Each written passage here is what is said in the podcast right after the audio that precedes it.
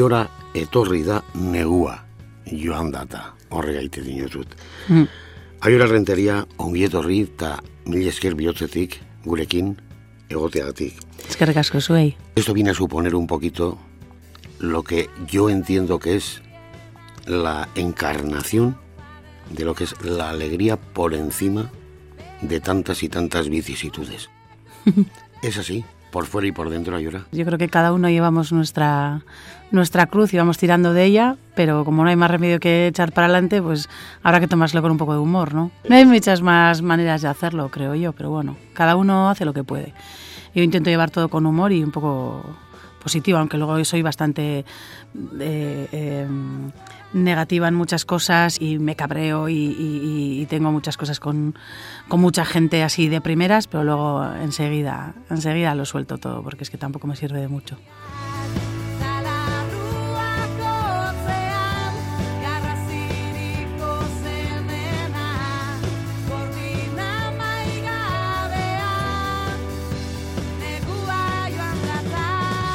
Tú eres santuchutarra Bye. de pedigrí, como, como se suele decir, ¿no? Aunque ahora estés en San Francisco y demás, Sí. que también, cuidado, cuidado que ahí nos empatan también, ¿eh?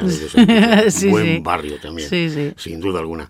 Decía Santuchutarra, Mm. estudiante de Quiriqueño, que no tendré yo amigos y amigas en, en, en Quiriqueño. Ujú. Es decir, que has mamado durante toda la vida lo que es el barrio, lo que Sí. es una familia numerosa que coincidimos también. Sí, sí. Cinco hermanos sois. Sí, sí, cinco hermanos somos. Nosotros tres chicas, dos chicos en este caso. Nosotros cuatro chicas y, y un chico. ¿Eso qué supone? Ser de Bueno. barrio, ser familia numerosa. Pues para mí ser familia numerosa ha sido muy divertido, muy, muy divertido, porque al final en casa no te aburrías. Eso sí, la intimidad no existe, no existe, y es a lo que te acostumbras también. Y, y, pues bueno, a mí me parece me ha parecido muy chulo, ¿no? Y sigo, sigo teniendo mucha relación con mis hermanos, continua, diría yo. A veces hasta demasiado. y, y- y- y me gusta. Lo mejor es, es que es muy divertido.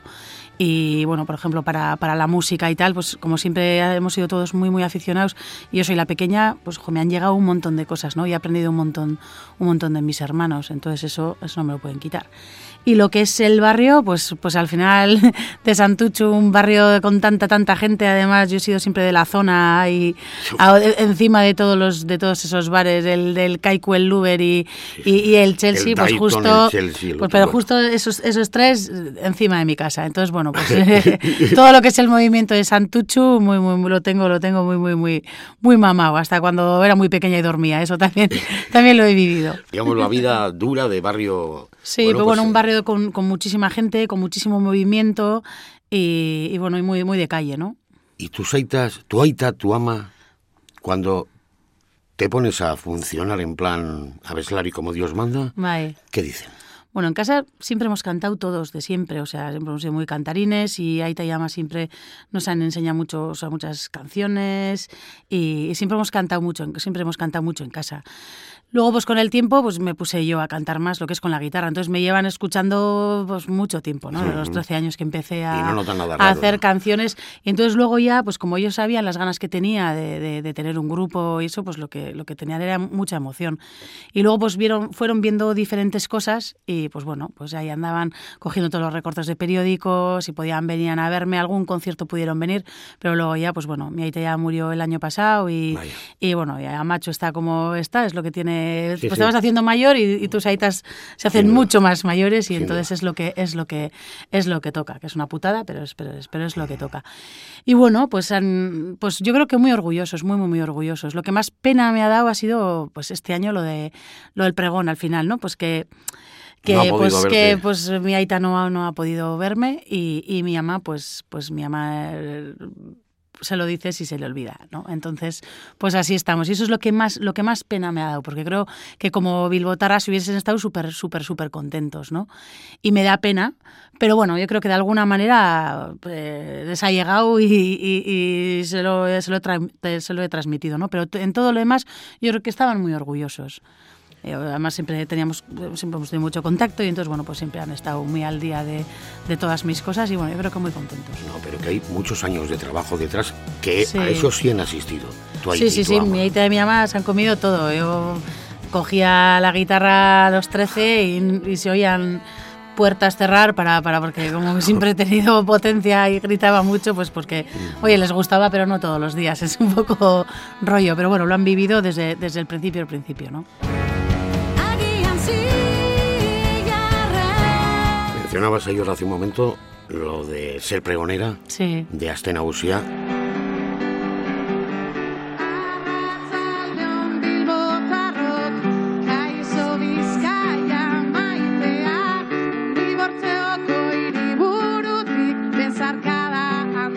¿Qué supuso para ti? Te digo, porque años antes yo también tuve esa oportunidad, ese honor, ese orgullo, no, no tengo palabras para decir. ¿Cómo lo sentiste? ¿Cómo, cómo lo planteaste sobre todo? Eh, cuando me confirmaron ya todo que sí que iba para adelante, al principio iba muy gaya, pero cuando me lo dijeron digo, ¡ay Dios en la que me he metido! Y luego cuando se, iban se iba acercando los días, eh, pues estás medio tranquilo y sabes lo que va a pasar, pues es algo, pues es algo muy emocionante y de mucho movimiento, vas a estar con mucha gente. Ojo, estaba todo el mundo diciéndome, has hecho deporte para estar al 100% porque esto va a ser la leche, vas a acabar hecha polvo. Digo, dejarme en paz, ¿no? Dejarme vivirlo ya decidiré yo si, si, si bien o mal. Y, jo, ha sido exagerado, ha sido una pasa. Yo lo he disfrutado, lo he disfrutado muchísimo. Nos comentaban justo cuando estábamos, eh, eh, Izaskun y yo, cuando estábamos ya en la despedida de, de Marijaya y en, en, en la ría, bueno, esto, por lo menos una vez en la vida está muy bien. Eh, una vez, pues, pues no me yo, yo, podría repetir. Te apuntarías Yo me apuntaría otra vez. Hombre, no, porque hacer otra vez un pregón y, y, y eso, pues eso, yo, yo, creo que lo veo muy difícil. Pero lo que es vivir las fiestas así de esa manera y que te den tanto amor y tanto cariño, a mí me parece maravilloso, maravilloso. Yo lo disfruté muchísimo y, y, si hay que repetir, pues se repite. Yo lo comparto 100%. La chupinera conmigo igual, ¿eh? O sea, ella las dos igual. Yo si hay que repetir, pues repetimos. Yo lo comparto igual, igual. Y además también recuerdos para Begochula, que fue chupinera cuando yo hice de, pregonero, pero ¿qué me dices? ¿Qué me dices, Ayora, del trajecito? Sí. ¿eh? Con la caló. Con la caló. Sí, sí. Bueno, a ver, es, un poco rollo y, y además este año hubo un día que estábamos comiendo y había estábamos al lado de un termómetro que marcaba 48 grados. Cuidado. ¿Que se podrían hacer cambios? Bueno, sí o no, pero bueno, al final es algo que tiene, tiene su historia y tiene algo detrás. Y bueno, a mí no me pareció. Me, llegaron memes de gente que me mandaba, me tortura chenda, y sacaban nuestra, nuestra foto con el traje y la chupinera también con su traje, ¿no? Y, con, un termómetro detrás de 45 grados. Es una Sí, pero bueno, eh, tampoco lo llevamos tan mal.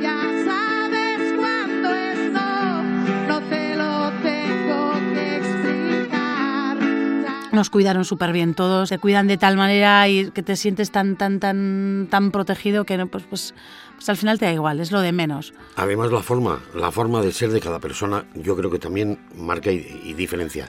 Esa cercanía, como comentabas, de, de la gente llana, sencilla, de la calle, para contigo en cierta medida es el reflejo de cómo eres tú. Bueno, a con las palabras que te eh, parecen aceptables y punto. No, pero a corazón abierto. Entonces lo que hago, quiero decir, pues eh, igual ayudas a mucha gente, igual llegas a mucha gente, pues con las letras, con las canciones o lo que sea, pero que tampoco es una cosa, igual porque todavía sigo trabajando, no he tenido la oportunidad de dedicarme solo, solo a, a ser artista, entonces, pero bueno, no sé no sé si soy sencilla o no, yo simplemente pues me tomo las cosas así igual para, para defenderme a mí misma también, ¿no? Yo creo que la gente en general es muy maja y la gente te viene con mucho amor y, y, y, y con tranquilidad. Eso sí, hay gente, pues, y tú también lo habrás vivido, hay gente que se mosquea porque en un descanso no, no, te vas a sacar una foto porque estás sin vestir y te, ya nos gritaron, es tu trabajo, no sé qué. Digo, bueno, mi trabajo, mi trabajo esto tampoco es. Pero bueno, entonces hay de todo. Entonces ya no solo cómo seas tú, sino también cómo sean los otros, ¿no? Entonces si tú estás tranquilo, quiero decir, pues bueno, estás con la gente, intentas llegar a todo el mundo, sabiendo que no puedes llegar a todos, pues lo intentas y ya está. Yo creo que la, gente es suficientemente inteligente como para ver que por lo menos hay, hay, hay, hay un esfuerzo, ¿no? para para, llegar. Hay veces que no puedes y otras, otras que sí, y pues bueno, pero por lo menos se intenta.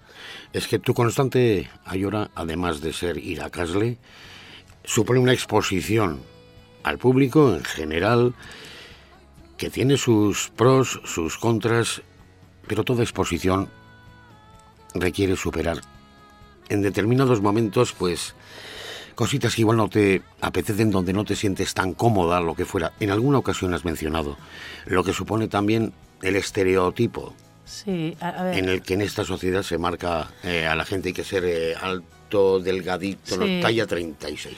Bueno, es- es- hay muchas cosas. O sea, al final, eh, a mí me encantaría pues, poder estar en un grupo y hacer canciones y cantar y hacer conciertos sin ser alguien público, pero es inviable. Es que no una cosa y la otra no, no pueden, porque al final estás delante, estás en un escenario, la gente te conoce y ya está. Tienes que coger lo que eso conlleva, que a veces puede ser agradable y otras veces puede ser pues un poco más tenso. Eh, la- eh, como he dicho antes también de pregonera, la gente en general es muy maja. Pero hay gente, y sobre todo hoy en día, pues con las redes sociales, que al final el anonimato también da mucha, mucho pie a, a, bueno, a, a soltarse y, a- y la gente la utiliza pues mucho para, para soltar sus El bichos. atrevimiento de la cobardía, Sí, por sí, bueno, y, sueltan ahí todo, todo lo, que, lo que tienen por dentro y, que al final suele ser más cosas de, de- de cada persona que de, de a, a quien se lo dicen. Pero bueno, da igual. Entonces, bueno, claro, estás en una exposición constante. Pero es lo que toca, es lo que toca, es haber elegido muerte, si no, es lo que hay. He decidido subirme a un escenario y entonces pues tienes que asumir lo que hay. ¿Que es un rollo? Pues sí, pero otras cosas tiene bonitas también, pues que es que, que la gente te viene y te da todo su amor y, y- y te, y te cuenta lo que supone para ellos lo que tu música y lo que sienten. Entonces eso es muy chulo. Y luego tiene, viene la otra vuelta, pues al final eres una persona, yo pues soy una persona gorda en un escenario, tenemos que ser todos de una manera y ahí no entro. Entonces, bueno, pues sí que hay eh, pues hay gente que entra más a eso y hay gente que, que no entra a eso y ya está, y le da igual quién esté ahí, escucha una voz y, y- y una persona y ya está, y le gusta así, ¿no? Entonces, bueno, pues la exposición, pues ya te digo, pues que, que si pudiésemos nos ponernos, pues no nos expondríamos. Pero al final lo que hace es la consecuencia de, o sea, es, es así. O sea, si me pongo a cantar y yo lo necesito con, con un grupo en un escenario, pues te van a conocer en algún momento. Y, y entonces una vez que te expones, la gente cree que tiene total derecho a, a no solo alabarte, sino también a ponerte y a faltarte el respeto. Y a ¿no? ti eso te ha costado superar en el sentido de asumir, aceptar y ser tú misma. A ver, a mí me ha costado, como todo el mundo, sobre todo con todo este mundo de las redes sociales. Al final ves unos, unos mensajes pues, que te hacen daño, te hacen mucho daño. Si no conozco a esta persona, hace daño quien puede, hacer, quien puede hacerlo, no, no quien quiera. Y realmente es así, de, pues, bueno, pues eh, tú tienes un montón de problemas, jámatelos tú.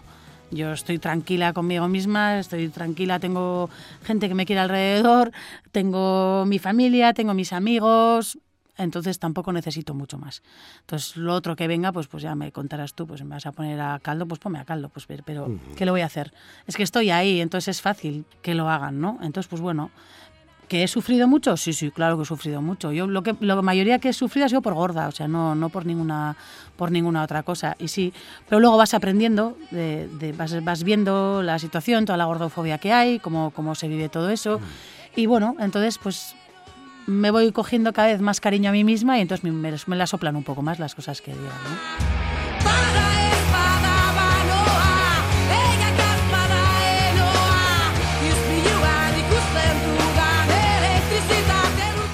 Creo que es un referente para mucha gente porque sobre todo entre la adolescencia, vamos a decir, eh, habrá mucho- muchas personas, no solo mujeres, hombres, es decir, que tengan pues también esos obstáculos que impone pues un estereotipo social que, que tienes que Sí, ser pero pues, bueno, vamos, pues es un que- Adonis o una Adonis. ¿no? Claro, pero no es solo eso, sino es todo lo que hay detrás. También hay un, una- un rollo de, de- de que, que hablan todo el rato de salud, hablando no sé qué, y realmente, pues, pues, ¿de qué salud te estás? Si me estás poniendo así a caldo de esa manera, ¿de qué salud te preocupas? De, de mi salud mental está claro que no te preocupas, que esa te la sopla, eh, que el resto no lo sé, pero esa por lo menos. Entonces, bueno, que hay un montaje muy tocho eh, dentro de- de- de toda la sociedad pues con, con- con el físico, pues si, si entre la, la diferencia entre hombres y mujeres todavía hay una brecha gigantesca, pues imagínate ya ahora si entramos con- con la estética, ¿no? Creo que todavía hay mucha gente que, que ve muy claras las la- ve muy claro el machismo y lo puede y, y- y la, y la homofobia y la xenofobia y todo lo ve muy muy muy claro, pero todavía la gordofobia no se no, no, no se ve y todavía quedará muchísimo muchísimo más para verlo, ¿no? Pero bueno, pues iremos viendo y que cada uno vaya vaya tomando lo que crea conveniente, si, si prefiere estar amargando la existencia al resto o quiere dejar vivir a la gente como le dé la gana, ¿no? Mencionabas precisamente ayer la cuestión de la salud y demás. Sí. Has tenido tus momentos complicados también, Sí. pero afortunadamente, y en fin, Creo que la primera que alegrarse serás tú, pero nos alegramos todos y todas muchísimo. ¿Cómo fue ese, ese capítulo de tu vida? Jo, pues, pues un, un susto gigantesco, ¿no? Un, un, pedazo de susto muy, muy grande. No me lo esperaba, pues previo ya me habían, me, me, habían dicho que me tenían que, que, operar y ya estaba muy preocupada por, con eso, pero ni me había planteado el, el, el poder tener un cáncer. ¿Tenías tú aproximadamente? 45. Jesús. Eso es. Joven. Sí, muy sí. joven. Y entonces, bueno, pues al principio un, un, susto gigante y bueno, pues luego, pues ¿qué haces? Pues nada, pues, eh, pues tirar para adelante. Te dicen todo lo que tienes que hacer, pues operarte. Eh, y tuve la suerte, la suerte, la suerte, la gigante, o sea, fue porque, porque al final esto es también cuestiones de suerte, que, que después de la operación se lo llevaron todo. Entonces no he tenido que, no he tenido quimioterapia ni radioterapia, entonces claro en, dentro de, del susto, dentro de todo lo que hay, lo he tenido fácil. Entonces, pues bueno. Eh, en breves tengo otra vez, eh, me tengo que, que revisar todo. La, me vienen las revisiones, que es cuando ya otra vez empiezan a paranoiarme un poco, pero creo que le pasa a todo el mundo al final, mientras estás dentro de los cinco años que te tienen ahí controlado. Cada revisión yo creo que te viene así un poco el recuerdo del pasado y te viene un poco sustito, pero bueno, revisión, eso quiere decir que estoy controlada, si pasa algo se cogerá a tiempo y si no, pues bueno, pues adelante, siguiente revisión y así, ¿no?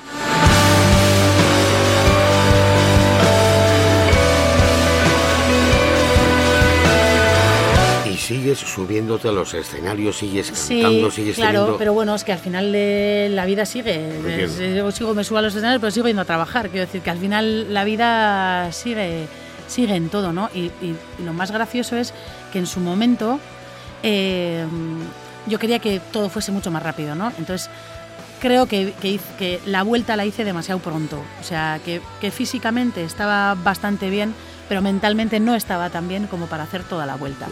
Y luego, pues ya después de un año ya me pesó más, ¿no? Todo, pues el, el justo en ese, en ese, en ese proceso de salir de todo, de volver a los escenarios, justo pues eh, se murió Aita y todo eso, entonces volví, yo creo que a todo demasiado rápido porque quería hacer como bueno, que es lo que hacemos todos, que es una, una huida hacia adelante. Eh, que esto no ha pasado, esto no ha pasado y que no lo quieres ni ver, ¿no? Y tiras muy, muy rápido para adelante.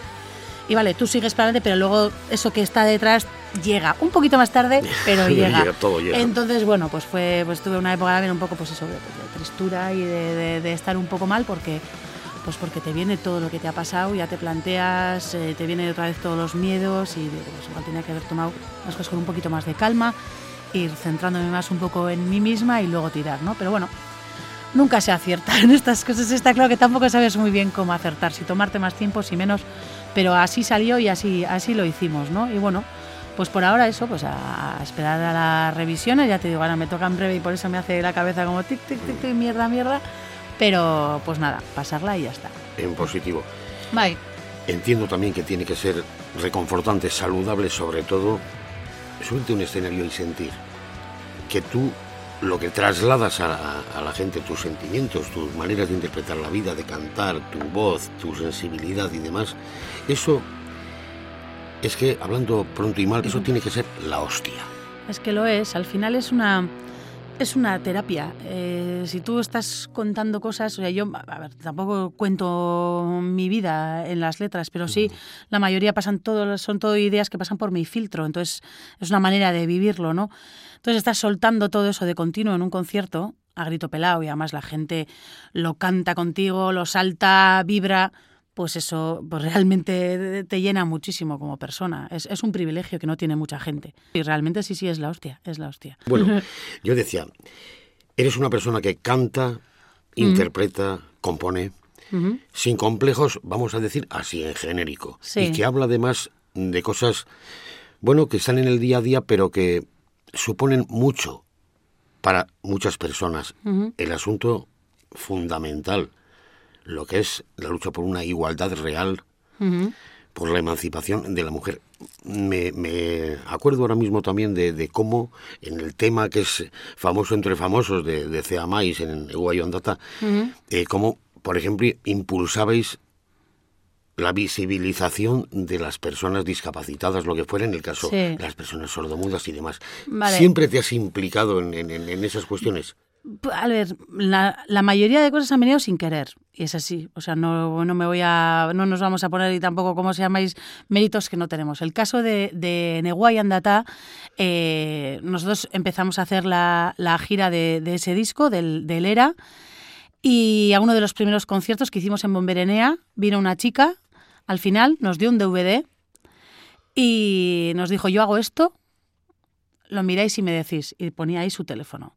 Era Ainhoa Moyúa, nos pasó un, un, DVD y salía ella interpretando Neguay en Data y otro tema de, del disco era. Y, y, entonces, a ver, lo vimos y ella es tan espectacular como, como al, al, al, final está, está dando ritmo a quien, a quien no lo puede oír, está, está, transmitiendo, está transmitiendo no solo la letra, sino la música a quien no puede escucharla. Y fue súper emocionante. Entonces, en realidad, si hay al, alguien que hay que decirle que, que, ha hecho ese trabajo de, de, abrir ha sido Ainhoa, porque nosotros vimos esa maravilla y dijimos, queremos que seas nuestro videoclip. Y ella dijo que sí. Una vez que estás con ella y, y, y ves todo, es cuando realmente te planteas y dices, ostras, es que es verdad. Hay mogollón de gente que no puede, que no puede escucharnos, ¿no? Y luego, pues bueno, al final como mujer, pues, pues eso, soy una mujer subida a un escenario y entonces pues es que no concibo las cosas de otra manera. La necesidad de que, de que esa brecha se, se vaya cerrando de una puñetera vez, ¿no?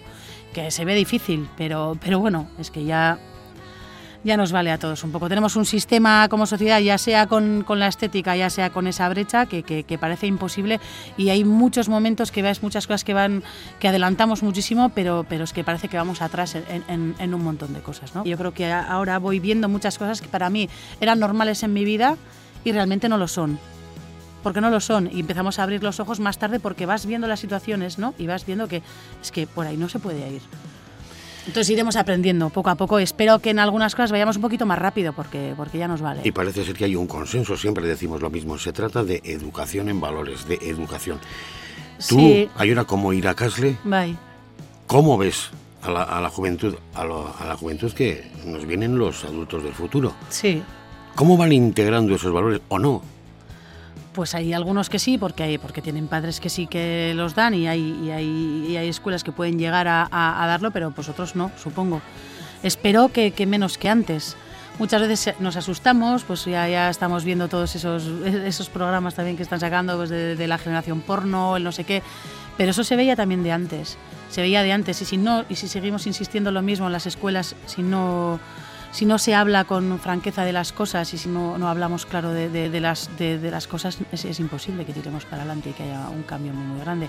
¿Y cómo lo veo? Pues yo qué sé, pues hay generaciones de todo tipo, hay, hay, gente, hay cosas que son preciosas que nosotros ya no entendemos, ¿no? Como... Eh, eh, eh, eh, nosotros nos acostumbramos a homosexuales, ahora hay binarios, no, o sea, no binarios, perdón, hay, entonces hay un mundo de, de, de cosas que para nosotros podías pensar, joder, es que no, yo no lo, igual no lo entiendo porque, pues porque tengo una edad que no, no, no lo he vivido, pero es que no tengo nada que entender, tienes que dejar a la gente que sea como le dé la gana. Tenemos una manía de meternos en la, en la vida de los demás, además eh, eh, enjuiciando a, a, todo el que se menea. Entonces no lo entiendo, deja a la gente vivir tranquilamente y que decidan lo que decidan, ya sea de, de, de, de, su sexualidad, ya sea de su manera de vestir, ya sea del tamaño de su cuerpo, de lo que quiera hacer con su vida, lo que no quiera hacer. Mientras no vayan machacando a la peña de alrededor, claro. que es al final quien lo hace, es, los otros son los que van machacando a todo el mundo. Entonces es, es, algo que no entiendo. Yo creo que lo importante es que la gente se sienta libre de, eh, para cualquier cosa, ¿no? que seamos abiertos en ese sentido. Yo creo que hay mucha gente joven que, que vive las cosas muy, muy diferente y que, y que ahí estamos, est están yendo por un camino muy, muy, muy guapo, que a nosotros nos cuesta mucho más. ¿No? Pero bueno, ese es el cambio generacional que tiene que haber y que nos tienen que enseñar eh, todos los caminos que hay que nosotros no conocemos. Y digo yo, Ayora, ¿qué importancia tiene, por ejemplo, la música que llega al corazón y, y a la cabeza sí. también? Lógicamente a la cabeza también de las personas, pero sobre todo al corazón. ¿Qué importancia tiene ese altavoz? Esas letras que sean siempre favorables a lo que es el respeto, la integración. Sí, bueno, eh, eh, al final cada uno decide hacia dónde quiere ir. Eh, letras de todo tipo las ha habido siempre. Si está, bueno, hablas pues, de, de temas como reggaetón, como eh, de ciertos temas como están al final eh, hablando de la mujer, de bueno, es, es todo el rato un, un, perreo, un, esto, no sé qué. Es, es un juego sexual eh, bastante cerdo, diría yo, pero no lo sé, tampoco vivo el, el, reggaetón, no, no lo sigo. Hay mucha gente que hace también reggaetón, hace otros, estilos de música y, y, realmente eh, sus letras van con su tiempo y no y no tienen ese no tienen no, no hablan de esa manera. Eh, pues yo procuro no escuchar ciertas canciones pues porque no me gustan sin más. Pues hay vídeos terribles de, de, de, pues eso que que, que, que, que son terribles para las mujeres, cómo se les trata, cómo, cómo ¿no? que resulta que estás yendo como hacia atrás en, en, en, muchas cosas. Pero bueno, creo que hay, prefiero fijarme en las cosas que van, que van adelante y que, que funcionan como un montón de, de, de, taldes de aquí, de, que, hay, que hay miles de estilos en este momento y que abren todo eso y hacen reggaetón y hacen lo que les da la gana y, y, es, y es sano, divertido y, y, le gusta a la gente y ya está. Entonces siempre nos fijamos en, en lo otro todo el rato, ¿no? Como que vamos hacia atrás. yo no creo que vayamos hacia atrás.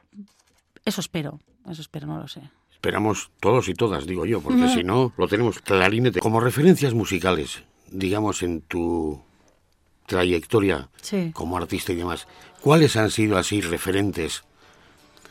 Bueno, Desconocida tu amistad con Francis y demás. Yo de, chiquitina eh, escuchaba mucho y Toys, me gustaba muchísimo. Luego ya pasé a, escuchar bandas más, eh, más en inglés y así, pues escuchaba U2 y luego ya me pasé a Per Jam y, bandas de ese estilo y bueno, pues eh, hoy en día pues escucho, mm, escucho un poco de todo. Pero bueno, con Francis, pues bueno, eso es, otra cosa, ¿no? Eso ya es. Doctor Deseo es un, grupo mítico que, que, a todos nos han hecho llorar y, y, reír y bailar. Y bueno, y poder estar con ellos y colaborar con ellos siempre ha sido para mí, para mí un auténtico placer en realidad. Abrázame, abrázame y no me digas nada. Pero bueno, musicalmente pues ahora pues, escucho mucho de Strokes y, me gusta mucho Love of Lesbian y bueno, y, creo que hay cosas muy interesantes que se están haciendo por aquí también, ¿no? Pues, eh, bueno, Belaco siempre me han gustado y, disfruto mucho con ellos y, con Jofe también me, realmente estoy, estoy disfrutando. Hay bandas estatales como Biznaga que también me gusta mucho y bueno, pues yo creo que, que, hay, que hay un poco de todo. Pero para ellos básico, fundamental o está abierta a otras expectativas, digo, el idioma. Cantar en euskera, solo en euskera, puede cantar en inglés, en castellano. A ver, cantar puedo cantar en lo que sea. Se llama es en euskera. No, o sea, sale así. Quiero decir, hicimos dos temas también en inglés porque, porque salieron así. No está tampoco pensado de ninguna manera, pero a mí, no sé, no. A mí me cuesta mucho. Eh, realmente creo que nunca he escrito en, en castellano. Por ejemplo, yo empecé a escribir en inglés y luego me di cuenta que no sabía expresarme bien en inglés y empecé a escribir en euskera. En castellano me cuesta muchísimo eh, lo que es escribir. No, no me veo, no me veo. He cantado en castellano con, con Francis y, con, y, con, más bandas, lo que hay. No tengo ningún problema en cantarlo. La cuestión es que a mí no me sale, no me sale escribir, no me sale escribir en castellano. No, por, ahora no sale. Entonces, pues bueno, tampoco voy a forzar nada que, que, que no salga. Pues ahora yo llego al momento de tener que decirte a yo, a yo, y me gustaría hacerlo diciéndote nada, simplemente abrazándote. Es que ricasco, Abrázame, abrázame y no me digas nada.